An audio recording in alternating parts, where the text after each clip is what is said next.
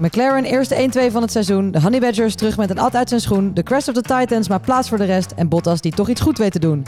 Mazepin officieel geen kans meer voor het kampioen. Het was zo gek dat ik er spontaan van ga rijmen. En we hebben ons eerste gast. Welkom bij de Flats Podcast. You need to go, you need to go. Bottas is coming. that we go from race to race, and then from race to race it went from day to day, and then from day to day it went to session to session, you know.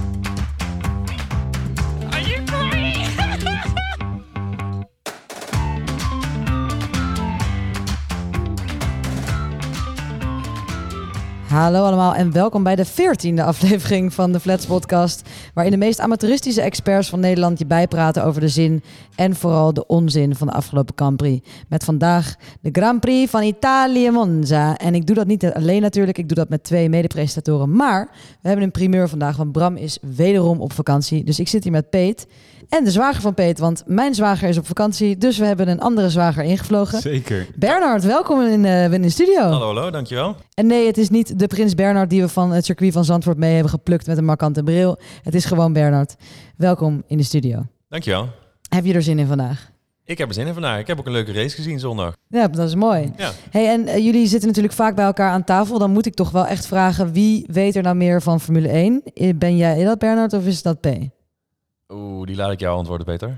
Ja, dat doe je heel slim. Eh, ik denk dat jij iets meer weet van eh, Formule 1. Ehm, maar goed, eh, wat niet is, kan nog komen. Hè? Precies, dus eigenlijk is Bernard jouw onderwijzer, jouw Mr. Miyagi. ja. Nou ja, eh, we hebben het wel eens in de, in de dummies over gehad dat je bij je schoonfamilie aankomt en, eh, en, en blijkt dat, eh, dat die veel meer weten over een sport waar jij ook in interesseert. Dat was bij mij absoluut het geval, ja. Dus ik heb wel een en ander opgestoken. Maar ik probeerde een inhaalslag te maken via de podcast en nu wordt het opeens, gaat, al, raakt alles door elkaar. Ja, nou, ik moet zeggen, Bernard, ik was gisteren nog even met je aan het praten. Jij weet in ieder geval een stuk meer dan ik. Dus ik heb heel veel zin om met jou lekker over de race te gaan praten. Nog één vraag voordat we beginnen. Wie is jouw lievelingscoureur aller tijden en nu? Oeh, lastig, lastig, lastig. Eh, ik, ik zet Prost boven Senna. Mhm. Controverse. Eh, en eh, ja, ik heb ook wel een zwak voor Mika Hakkinen eigenlijk. Oké, nou laten we gewoon gelijk erin duiken. Want er is genoeg geks gebeurd deze race ehm, dit weekend in Monza. Want Monza werd altijd geplucht als een saai circuit met heel veel rechte lange stukken waarin eh, alleen de beste auto's excelleerden. Maar na de afgelopen drie jaar heeft het toch al een beetje mijn hart veroverd. Drie jaar lang, drie verschillende winnaars en drie hele gekke podia, net, net als deze race. En daarbij werden we ook nog eens getrakteerd op een sprintrace. Er waren uitvalbeurten en het was een redemption voor meerdere mensen. Kortom, het was een mooi weekend. Wat vonden we ten eerste, jongens, van het sprintrace format? Ja, de tweede keer eh, is, voelt dan toch al bijna weer als gewenning. Hè? De eerste keer was het ook het nieuwe, was gaaf. Ik moet zeggen, eh, het was wel... eh, het, het is wat minder spectaculair. Als je kijkt naar wat er gebeurd is, vooral Hamilton teruggevallen. Dat heeft echt een invloed op de startopstelling voor zondag. Verder ja, ehm, twijfel ik nog over wat ik ervan vind. Maar wat wel waar is, het is wel meer entertainment gedurende het weekend. Want je kan nu gewoon vrijdagavond beginnen met kwalificatie kijken. Dus vanuit de sport eh, oogpunt en, en publiek eh, entertainment snap ik het volledig. Voor mij, eh, op Silverstone kwam het, kwam het aardig uit de verf. Nu op Monza, ja, er gebeurde eigenlijk niet zoveel hè, tijdens, de, tijdens de sprint qualifying. Nu is het natuurlijk wel zo, je hebt een extra kans om het fout te doen en ook een extra kans om het weer goed te maken. Precies Dus dat. Het, het, het, het biedt wel mogelijkheden. Voor de kijkers thuis is het toch wel een stukje entertainment Ja, en erbij. ik, en ik moet zeggen, ik heb op vrijdagavond inderdaad, eh, zat ik om zes uur zat ik klaar voor de, voor de kwalificatie. Stiekem? Hebben Met een telefoon of zat je thuis? Nee, nee, nee. Ik zat, eh, ik zat eh, in een horeca-gelegenheid met de telefoon inderdaad.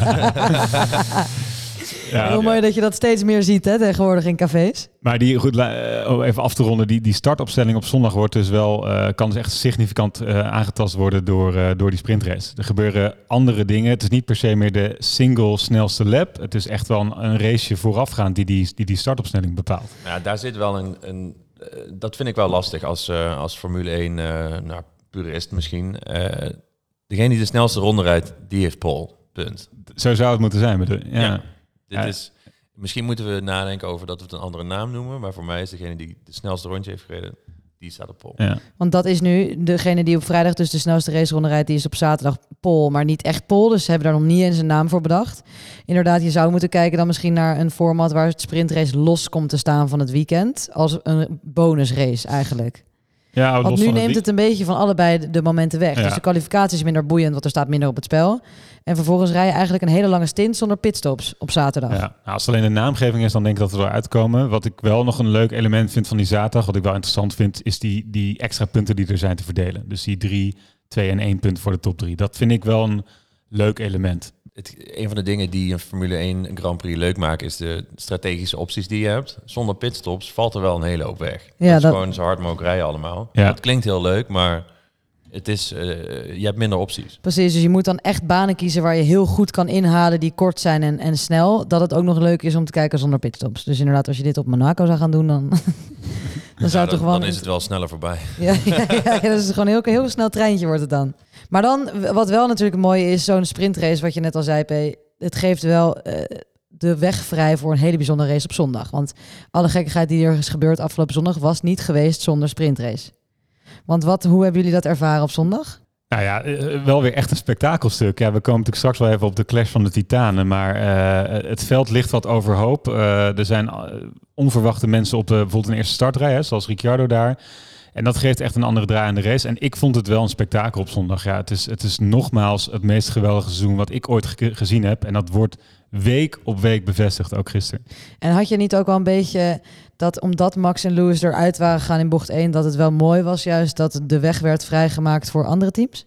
Ja, je hebt twintig rijders en twintig verhalen. En eh, je, je kijkt natuurlijk vaak naar Max en naar, eh, naar Lewis. eh, en terecht ook. Maar ja, ik, ik vond het wel verfrissend eigenlijk om, om ook eens wat andere auto's in beeld te zien. Wat goed. Ik zeg, we gaan gewoon gelijk door naar de winnaars van deze bijzondere race. En dat zijn de mannen van McLaren. Ja, McLaren, eh, de dag 12 september 2021 gaat toch wel echt de boeken in als een historische dag voor dit team.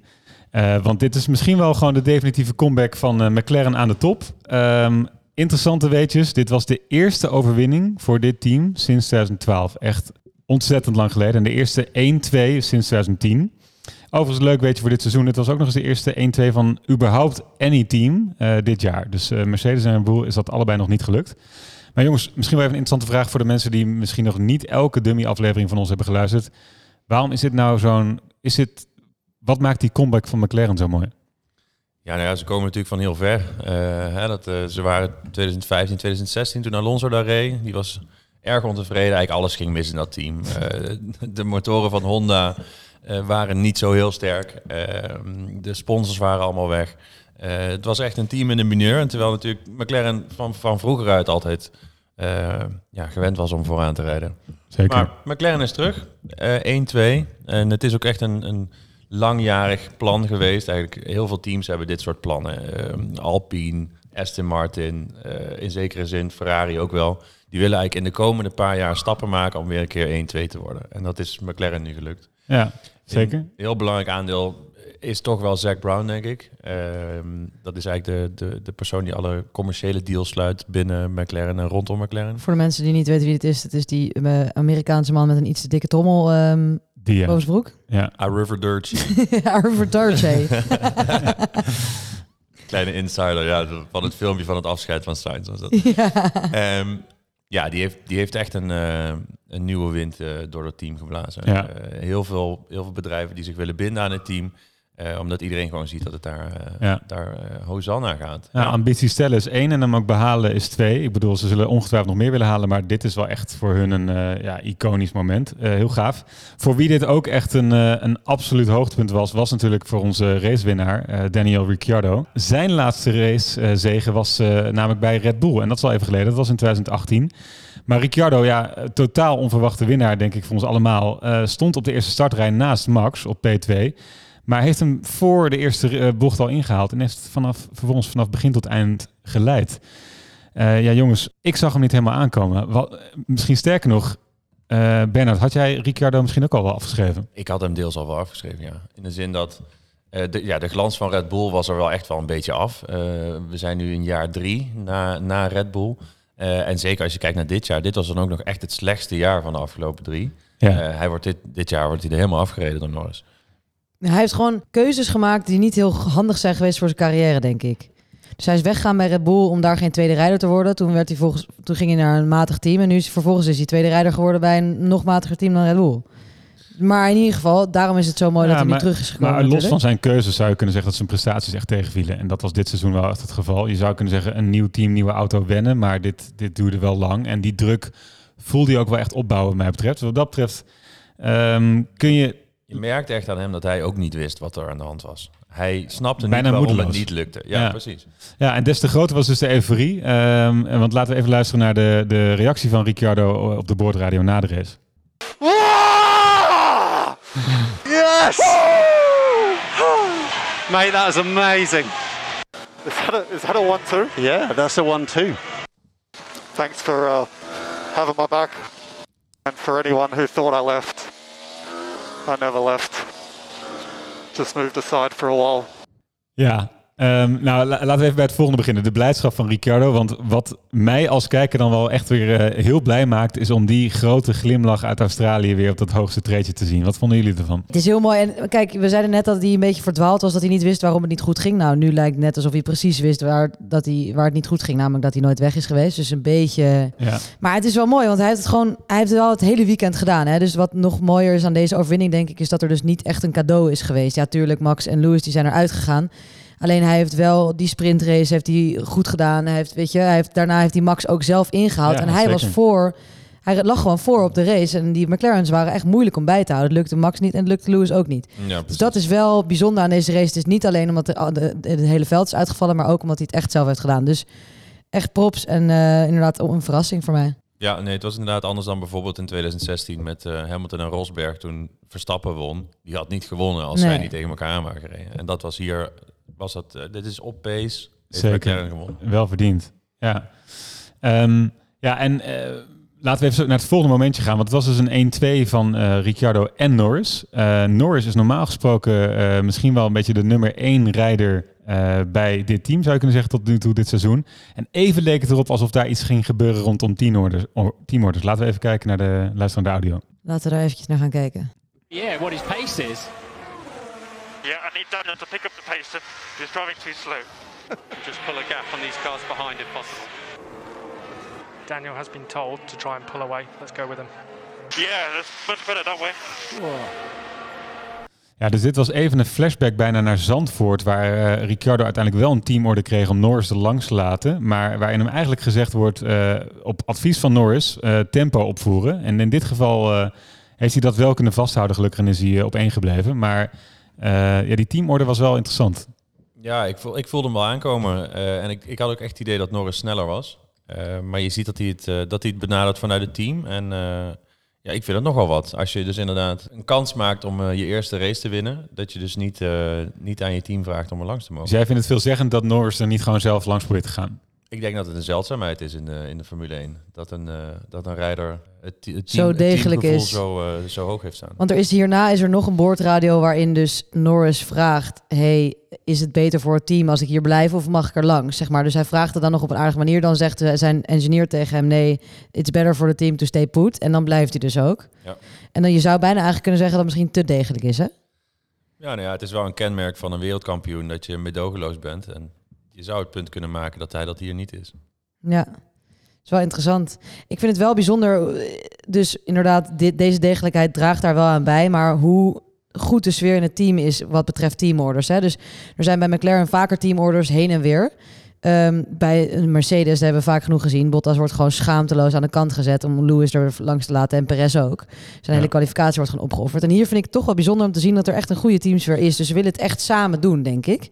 En dan komt ook wel de vraag, eh, waar we het ook over gehad hebben, wie wordt dan de eerste en de tweede coureur volgend jaar Ja, bij McLaren? Ricciardo is natuurlijk de multiple race winner. eh, maar Norris doet het dit jaar wel een stuk beter. Dus eh, ik, denk dat, ik denk dat McLaren probeert uit te stralen dat ze geen nummer 1 hebben. En ik denk dat ze dat ook zo lang mogelijk vol proberen te houden. Maar ja, elk team heeft een nummer 1 en een nummer 2. Ja, en dit jaar is het dus wel echt Lando geweest. En ik verwacht ook dat het zo blijft hoor. Eh, het zou het opportunistisch zijn om nu te denken dat, eh, dat dit de, die pickorde wat verandert. Maar eh, ik, zou, ik zou het wel heel mooi vinden als Ricciardo de, de, deze lijn doorzet. Maar Lendo blijft daar En hij is ook jonger. hè? officieus gezien zeker de nummer 1. En hij is ook jonger, dus hij kan in de toekomst natuurlijk nog veel meer betekenen voor, voor het team. Maar en we moeten natuurlijk niet vergeten hoe goed de teamsfeer was. eh kijkend naar de podiumceremonie. hè. Ja, Hij was even geleden, hè? Ja, de, de, de, de dus, eh, dus eh, de welbekende manier van feestvieren van Daniel Ricciardo, die dus letterlijk champagne in zijn schoen doet, dat eerst zelf opdrinkt en vervolgens gaat uitdelen aan de, aan de rest. Nou ja, in de tijd van Red Bull was ik het op een gegeven moment wel een beetje zat. Die zevende keer, die achtste keer. Ik denk, nou ja, gaan we weer. Nu vond ik het echt leuk om weer te Het was weer leuk, ja, ik had het hem ook was echt weer leuk. gemist. Iedereen maar- zat ook echt zo op te bouwen naar zo'n moment van gaat hij doen, gaat hij Oh. doen. Ga- Toen ging hij zo zitten op dat podium. Het was het ook, ja, ja, ja, hij gaat hem doen. Maar dat, die back van Norris, toen hij die andere schoen kreeg vol met champagne en zweet, dat vond, was voor mij ook Ja, echt dat was onbetaalbaar. En Zack Brown heeft trouwens ook nog een slokje genomen. Nou, wat dacht je van die bek van Bottas? Die daar achter stond en die dacht, mij niet bellen gewoon die hoor. heeft, maar die heeft hem ook echt gedodged, toch? Ja, die heeft hem gedodged, ja. Ja, die was er ook vrij duidelijk over dat hij dat ging. Vind ik dan wel jammer. Ja, en mijn conclusie van, eh, van dit McLaren-punt is dat McLaren in ieder geval weer heel duidelijk eh, de P3-positie van eh, Ferrari heeft overgenomen in het constructeurskampioenschap. Op Italiaanse grond, notabene. Op hun grond, Ja. vijandig gebied. Ja, en ik denk dat dat ook, ik denk dat dat ook doorgaat. Ik denk dat dat ook een betere afspiegeling is van, van waar die auto's staan. De reden dat eh, het nog even spannend was voor die P3, eh, ja, is gewoon dat Ricciardo niet, niet leverde. Klopt. Eh, en als hij dat blijft doen, dan, eh, dan ga ik ervan uit dat McLaren derde wordt. Ja, precies. Zo zie je maar het belang van een tweede coureur in een team die consistent presteert. We gaan door. Want het was letterlijk baas boven baas, deze wedstrijd. De baas stond bovenop de andere baas, want de Titanen hebben weer een mutual destruction gedaan deze race, wat heeft geresulteerd in de eerste DNF in drie jaar voor Hamilton. En weer een uitvalbeurt voor Verstappen. En het was echt bizar. Hè? Ik vind het toch wel een beetje eh, bijna eh, de day after tomorrow-achtig. Want als je dus heel eventjes gaat kijken wat er allemaal moest gebeuren... zodat deze crash weer was gebeurd. Lewis valt terug naar plek 5 in de sprintrace. Daar begint het al. Dan heb je dus met de gridstraf van Bottas... start hij op eh, achter Max in de race. Ja. Max heeft niet zo'n hele goede start. En die wordt ingehouden door Daniel Ricciardo. Dan krijg je dus die pitstops... die bij Max 11 seconden duurt. Wat echt ook weer een heel ander verhaal is. Dan vervolgens denk je, ja, nou oké, nu is Hamilton er al lang voorbij. Maar wat gebeurt er dan? De pitstop van Hamilton duurt ook vier seconden en nog wat. Dus die gaat ook langzaam. Dan komen ze elkaar precies op dat punt, bij die, bij die moeilijke chicane komen ze elkaar tegen. Max gaat er hard in. eh, en Hamilton gaat er ook hard in. En dan gebeurt het onvermijdelijke climax van deze hele gebeurtenis, namelijk ze crashen. En de een komt letterlijk bovenop de ander. Bizar. Ja, dit wordt wel het beeld van het seizoen, denk ik. Dit ja. wordt denk ik wel echt. Dit is, ik vond het zo schrijnend, pijnlijk en tekenend voor dit seizoen tegelijk. Dat, dat die auto's daar zo op stonden en dat die wielen nog zo op een gegeven moment reden. Dus eerst zag je nog dat Max probeerde gas te geven, zo van op, weg hier. En dan op een gegeven moment zag je Hamilton nog proberen gas te geven. Ja, daar is misschien nog niet eens, even heel kort, dat vond ik best wel een gevaarlijke situatie. Dat Hamilton nog probeert er onderuit te rijden terwijl Max nog in die auto zit. Maar goed, laten we dat even parkeren. Ja, ja, precies. Dat, dat zeker. Eh, Ik denk dat we daar zo meteen nog. Want we gaan hier, we kunnen hier denk ik uren over hebben. Dus voordat we dat gaan doen, gaan we het denk ik heel veel opknippen in wat is er nou precies gebeurd. Eh, wat vinden wij daarvan? En wat is uiteindelijk de verdict geweest van de FIA? En wat vinden we daar dan weer van? Goed Want laten we eerlijk zijn, de waarheid hebben we niet, maar we zijn goed in meningen geven. Ehm, dus inderdaad, wat je zegt, wat er gebeurde. Hij probeerde nog weg te rijden. Ik denk dat eh, de manier hoe de pit exit daar is, je hebt een, de, witte lijn die, die loopt erg ver door, waardoor Lewis pas erg laat eh, kan verdedigen naar links. Hij geeft Max voldoende ruimte en ze gaan samen eh, die eerste chicane in. Zoals ik het zie, zijn ze eigenlijk zij en zij en heeft Max dus wel recht om daar te zijn. Maar tegelijkertijd vind ik dat Lewis eigenlijk ook niks verkeerd heeft gedaan. Ehm, ik denk dat het vooral ja, een soort pech is. Eh 9 van de 10 keer in deze situatie komen de wielen gewoon tegen elkaar aan en gebeurt eigenlijk niet zoveel. We hebben dat eerder dit seizoen al gezien, bijvoorbeeld in Imola. We hebben het in Barcelona gezien. Ehm, en dan gebeurt er eigenlijk niet zoveel. Dus nu is het gewoon pech dat die auto eh, gelanceerd wordt. Maar ik vind niet dat eh, enige rijder eigenlijk iets, iets, iets heel verkeerds heeft gedaan hier. En jij, P? Nou ja, de straf komen we straks op. Die vond ik wat zwaar. Maar ik moet wel zeggen, om toch een beetje in, in die via-straf te komen... zou je kunnen zeggen dat Max niet volledig naast Hamilton zat. Hij zat er net iets achter. Maar je hoeft ook niet volledig ernaast te zijn. Je moet significant langs zij zijn. Nee, dus, dus, Wat dus- dat ook mogen betekenen. ja, goed, maar dat, dat wordt wel meegewogen volgens mij in, in, in de beoordeling. En dan ehm, vind ik het nog steeds zwaar gestraft. Maar ik zei wel gistermiddag in het moment tegen mezelf... als er iemand van deze twee mensen gestraft gaat worden... dan is het waarschijnlijk wel Verstappen. Ja, hè, want het was, het was best moeilijk om weer op het eerste ge- gezicht te zien. Daarom, die, situ- ik vind dus ook wel dat een probleem van deze situatie bij de FIA ligt. En dat komt gewoon omdat er geen duidelijke regels zijn over wat wel en niet mag in zo'n bocht.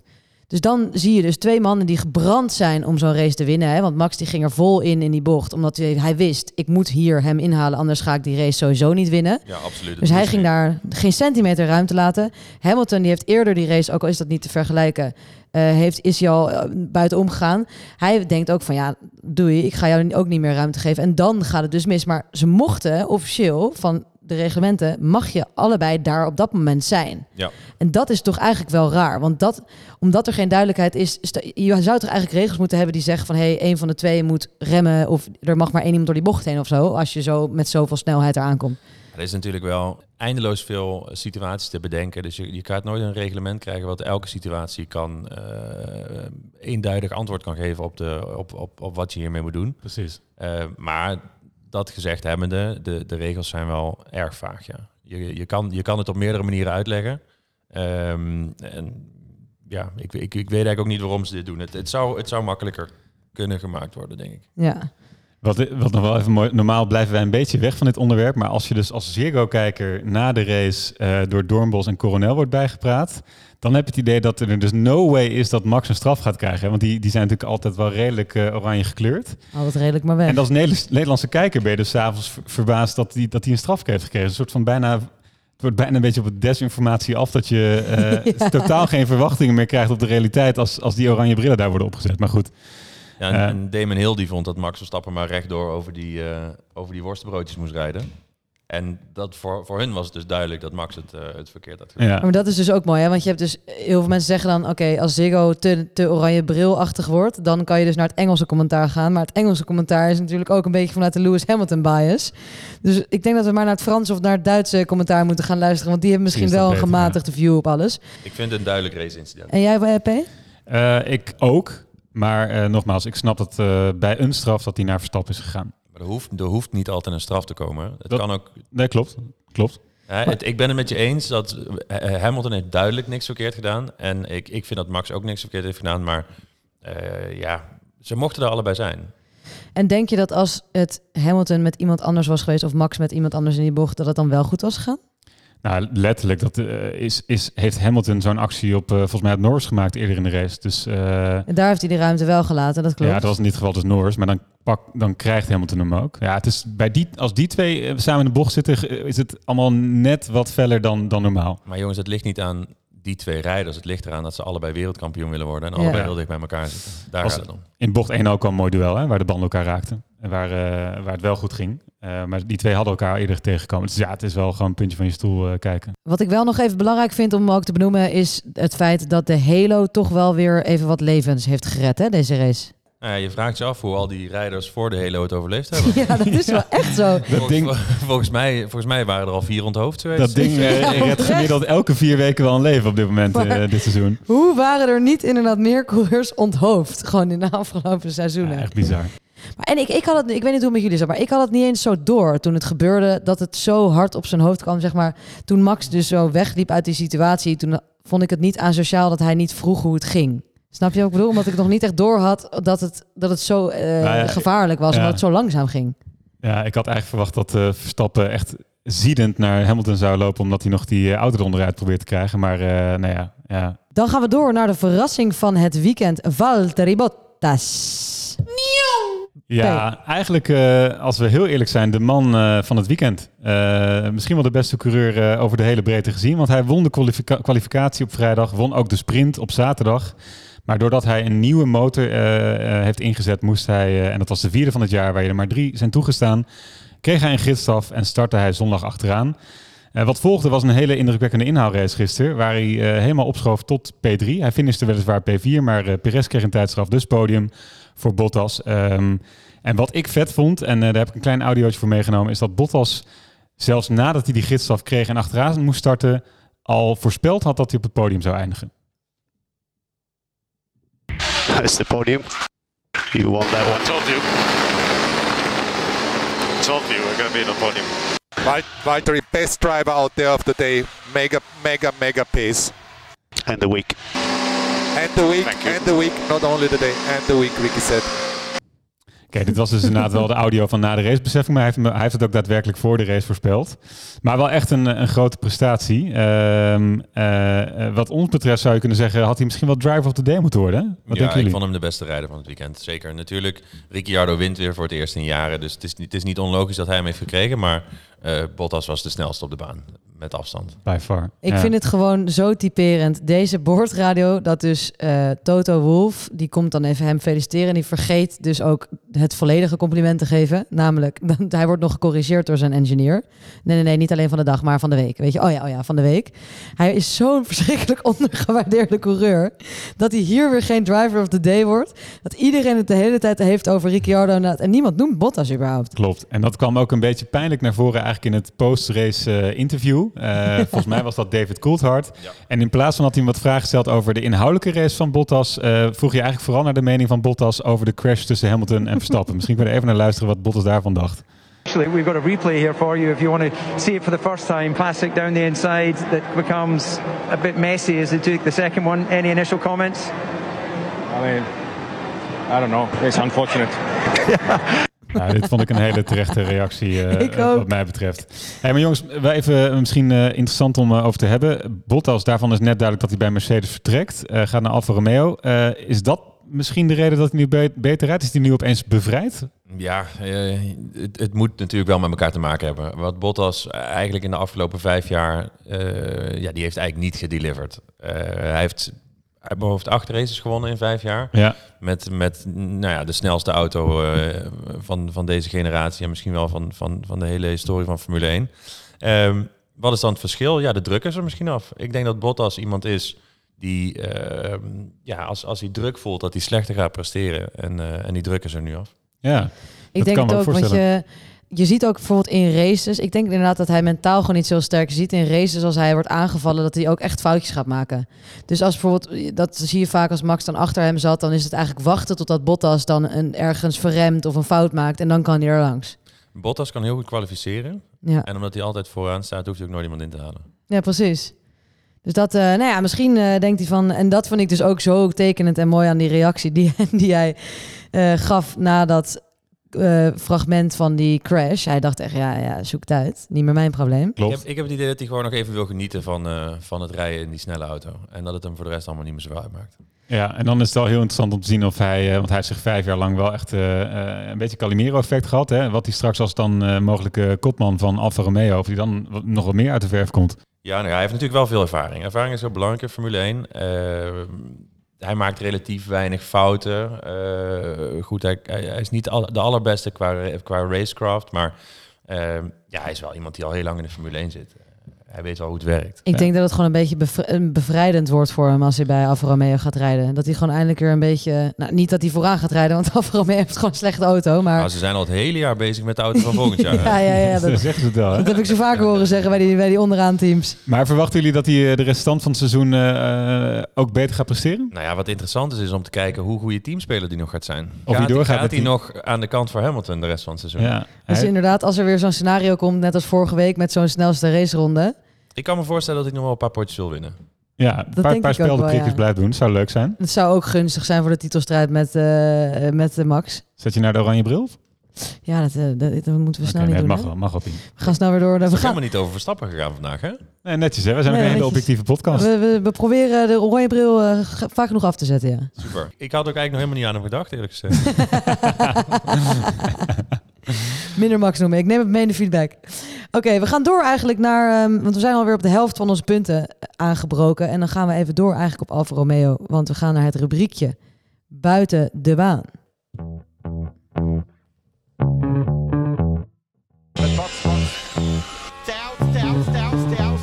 Stop! Say. Copy, copy. Ja, want in deze rubriek neemt Pien, dat ben ik, ik vergeet elke keer dat ik even de host ben, eh, neem ik elke week een eh, leuk feitje mee van wat er buiten de baan allemaal gebeurt.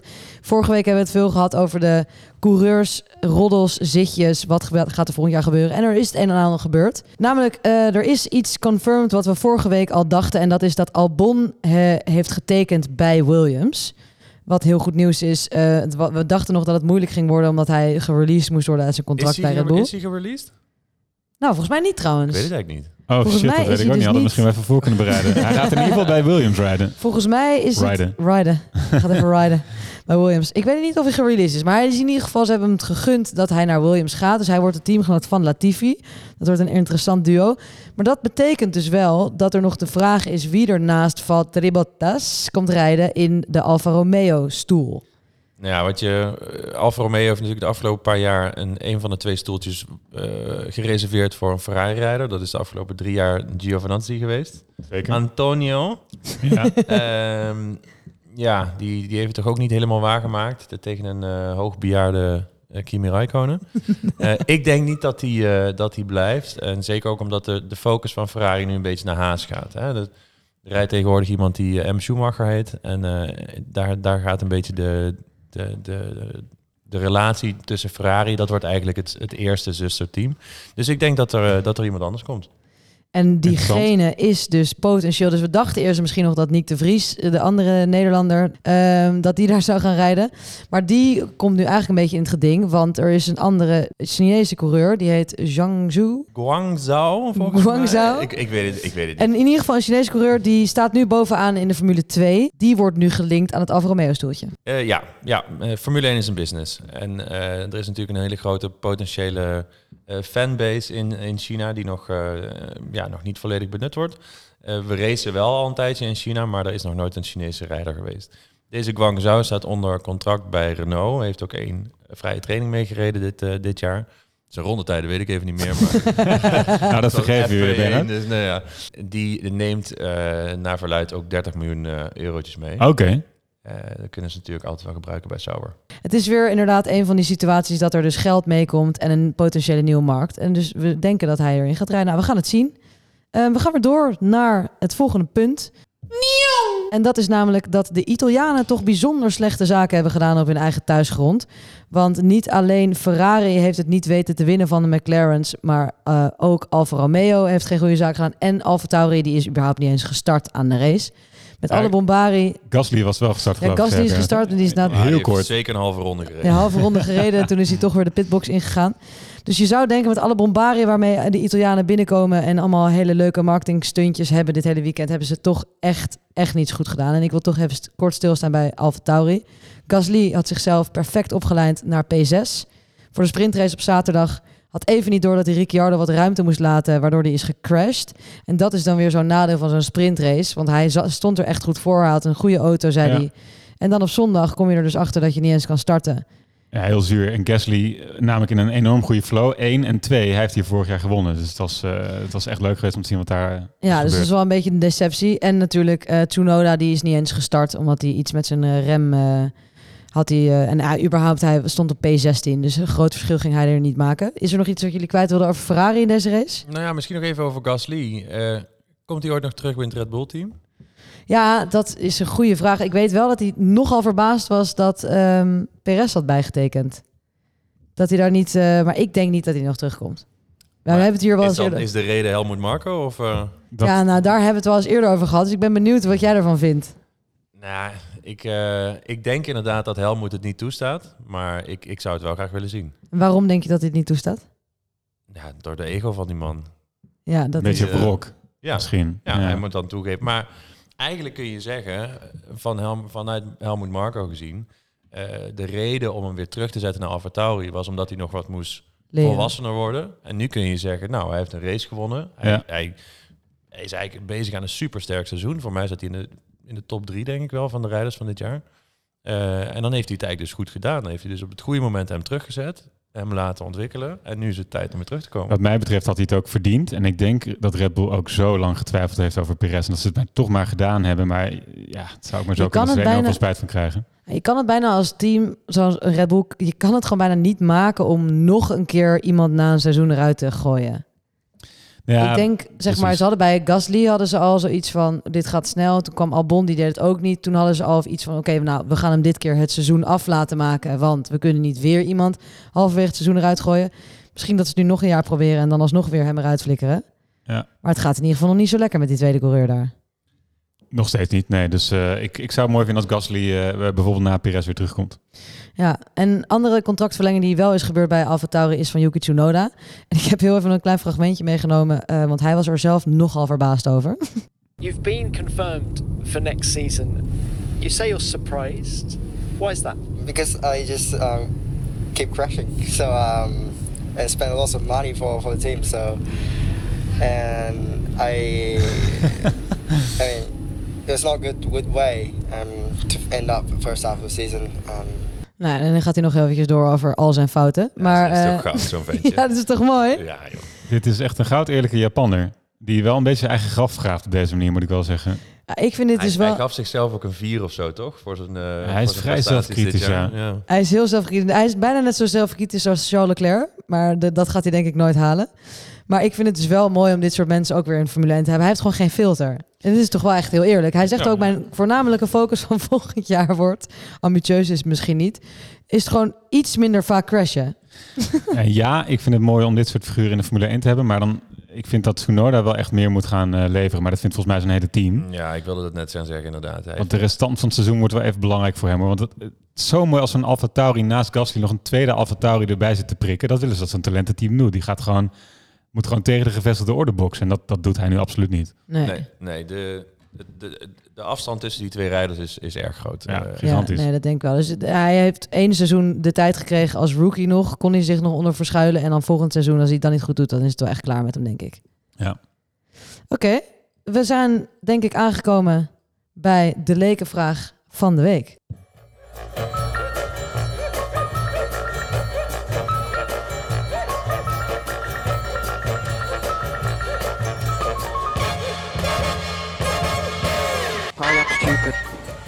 Am stupid. I switch off everything. Over zelfkritische mensen gesproken dus. In ieder geval de lekenvraag van de week... waarin wij elke race een vraag van een luisteraar behandelen... en proberen de Formule 1 weer een stukje begrijpelijker te maken. De vraag van de deze week komt van Milo. En die luidt als volgt. In de kwalificatie op vrijdag was er heel veel traffic. Vooral in Q2. Mensen gaan langzaam de pit uit. En waarom is dat zo? El Pedro. Ja, dat is wel een goede vraag. En het was inderdaad, eh, op Monza is dat zeker een beetje een chaos. En het korte antwoord is eigenlijk dat niemand wil eh, op kop rijden in zo'n eh, kwalificatieronde. Want het is een circuit met lange stukken. En nou, daar heb je gewoon heel veel voordeel als je in een downstream van een ander zit. Dat wordt ook wel eens een tow genoemd. Dus eigenlijk probeert iedereen achter een andere coureur te zitten. En dan zoek je een balans tussen en niet te ver weg, zodat je een slipstream houdt. Maar ook niet te dichtbij. Want als je er te dicht op zit, dan zou je bijvoorbeeld wat problemen met onderstuur kunnen krijgen. Maar in ieder geval niet als eerste. En dan krijg je het een beetje, wat, hoe noemen wij het, Bernard, eh who blinks first game. Want Ja. wie gaat dan als eerst naar buiten? Eh, niemand wil dat. En dan, dan krijg je dus files, opstoppingen en chaos. En dat was te zien. Nou ja, je zag het vorig jaar, hè, dat een, eh, een groot deel niet op tijd bij de, bij de lijn was voor de laatste vliegende ronde. Ja. Dat is natuurlijk het gevaar als je te lang wacht. Eh, maar je hebt inderdaad gelijk. Het, eh, Monza is een, eh, normaal gesproken op veel andere circuits is dirty air een, een groot probleem. Dus als je te dicht achter iemand anders rijdt, dat je downforce verliest. Ja. En hier is het juist andersom, dat je voordeel hebt als je juist wel achter iemand rijdt. En dat, dat zorgt ervoor dat dit hier gebeurt, elke Ja. keer. En dit was dus vorig jaar ook echt een probleem op Monza. En wat ze eraan proberen te hebben te, eh, te doen eh, vanuit eh, Michael Masi was om eigenlijk een maximale outlap tijd in te, in te starten. Hè? Dat mensen daar niet te lang over doen. Maar er was dus nog steeds in een aantal bochten gewoon echt een probleem. Ehm, ja. Ja, en wat uiteindelijk ook wel gevaarlijk kan worden, is als de, de kop van de trein de staart van de trein weer inhaalt, die nog langzaam aan het gaan is. Dan kun je wel gevaarlijke Oh ja, situaties inderdaad. krijgen. Ik vind het eerlijk gezegd ook wel vermakelijk om naar te kijken. Ja, dus toch? hoe laat durf je te gaan en er nog net te halen? Ja, dat was ook een keer, was dat met Hamilton toen toch? Daar ging je daar een beetje mee spelen van, eh, krijg ik Perez nog net op tijd over de lijn of niet? Ja, en je, wat je dus ook in deze baan zag, is dat eh, teamgenoten elkaar wat meer proberen te helpen hè, met toos. Ehm dus ik geloof dat Perez ook eh, dat Verstappen, bij Verstappen heeft proberen te doen. Eerder in Baku was dat ook een ding. Dus daar wordt, dat is echt een deel wel van strategie. Dus dat maakt het ook wel weer leuk op Ja. zo'n eh, vrijdag in dit geval, normaal zaterdag. Nou, mooi. En dan is het nu weer tijd voor onze rubriek van onze dictator extraordinaire. Luc, die gaat een beetje een verhaaltje vertellen over Monza. onze rubriek van onze bijzonder goede dichter. Luc, dicht erop. Niet eerder was dichterop zo treffend als in Monza. Een sandwich max met ham op een bedje van gravel. Interessant, ja, maar smakelijk? Nee. Meer smaak was te vinden in de schoen van de papaya gekleurde Danny Rick. Want wat was zijn overwinning dik? En dik verdiend. En ook al moeten we hem waarschijnlijk vooral prijzen voor zijn giga-start en zijn goede pace, toch prijs ik hem liever voor zijn giga-enthousiasme na de race. Zo vier je een overwinning. Punt uit. Stralen van oor tot oor en door naar stralen champagne. In je haar, in je mond, uit een fles, uit een schoen. Een schoen. Zie je dat Max of Lewis al doen? Danny Rick, dank je wel. Jij was zondag de beste uit het veld. En niet Max, maar jij. Jij was dit weekend mijn oranje held. Volgende week is het tijd voor de Russische Grand Prix. En P, jij hebt daar een mening over.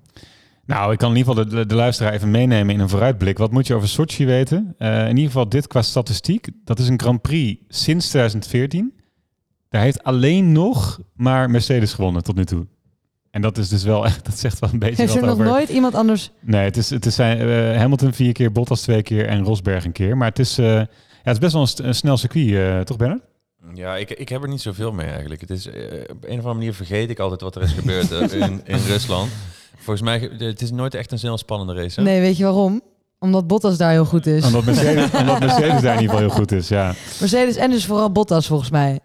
Die is daar... eh, Ja, ehm, en, en, en, maar goed, Monza hebben we vorige keer al geïntroduceerd als het Mercedes circuit. Nu, nu denken luisteraars, er is er dus nog één. Ik denk dat hij misschien wel iets in mindere mate dan Monza het Mercedes eh, circuit is, maar daar heeft nog nooit iemand anders gewonnen. Maar ja, jongens, Paul Ricard was ook eh, interessant dit jaar, hè? dus je weet het nooit. Daarom, in dit Precies. seizoen weet je inderdaad gewoon helemaal nooit wat er gaat gebeuren. hè? En wat, en wat interessant blijft, hè, dus eh, met, die, met die gidsstraf van Max, eh, ik noem het gewoon opnieuw, eh, anders knip ik hem eruit.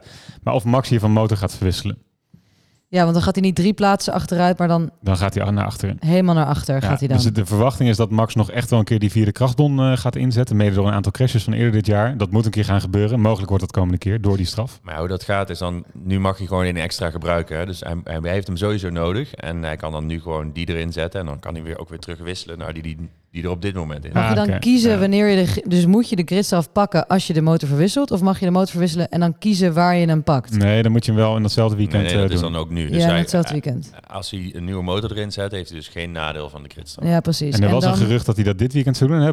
Monza, omdat het misschien mogelijk wat minder zou liggen. Maar omdat hij zo goed kwalificeerde en sprintrace reed, denk ik dat ze het even hebben gelaten. Dus misschien is Sochi het moment met die gidsstraf. En om alle is Max ook- Verstappen fans nog even de gemoedsrust in te praten, dat Hamilton moet ook nog een nieuwe motor, toch? Waar hij nog een gridstraf op moet pakken.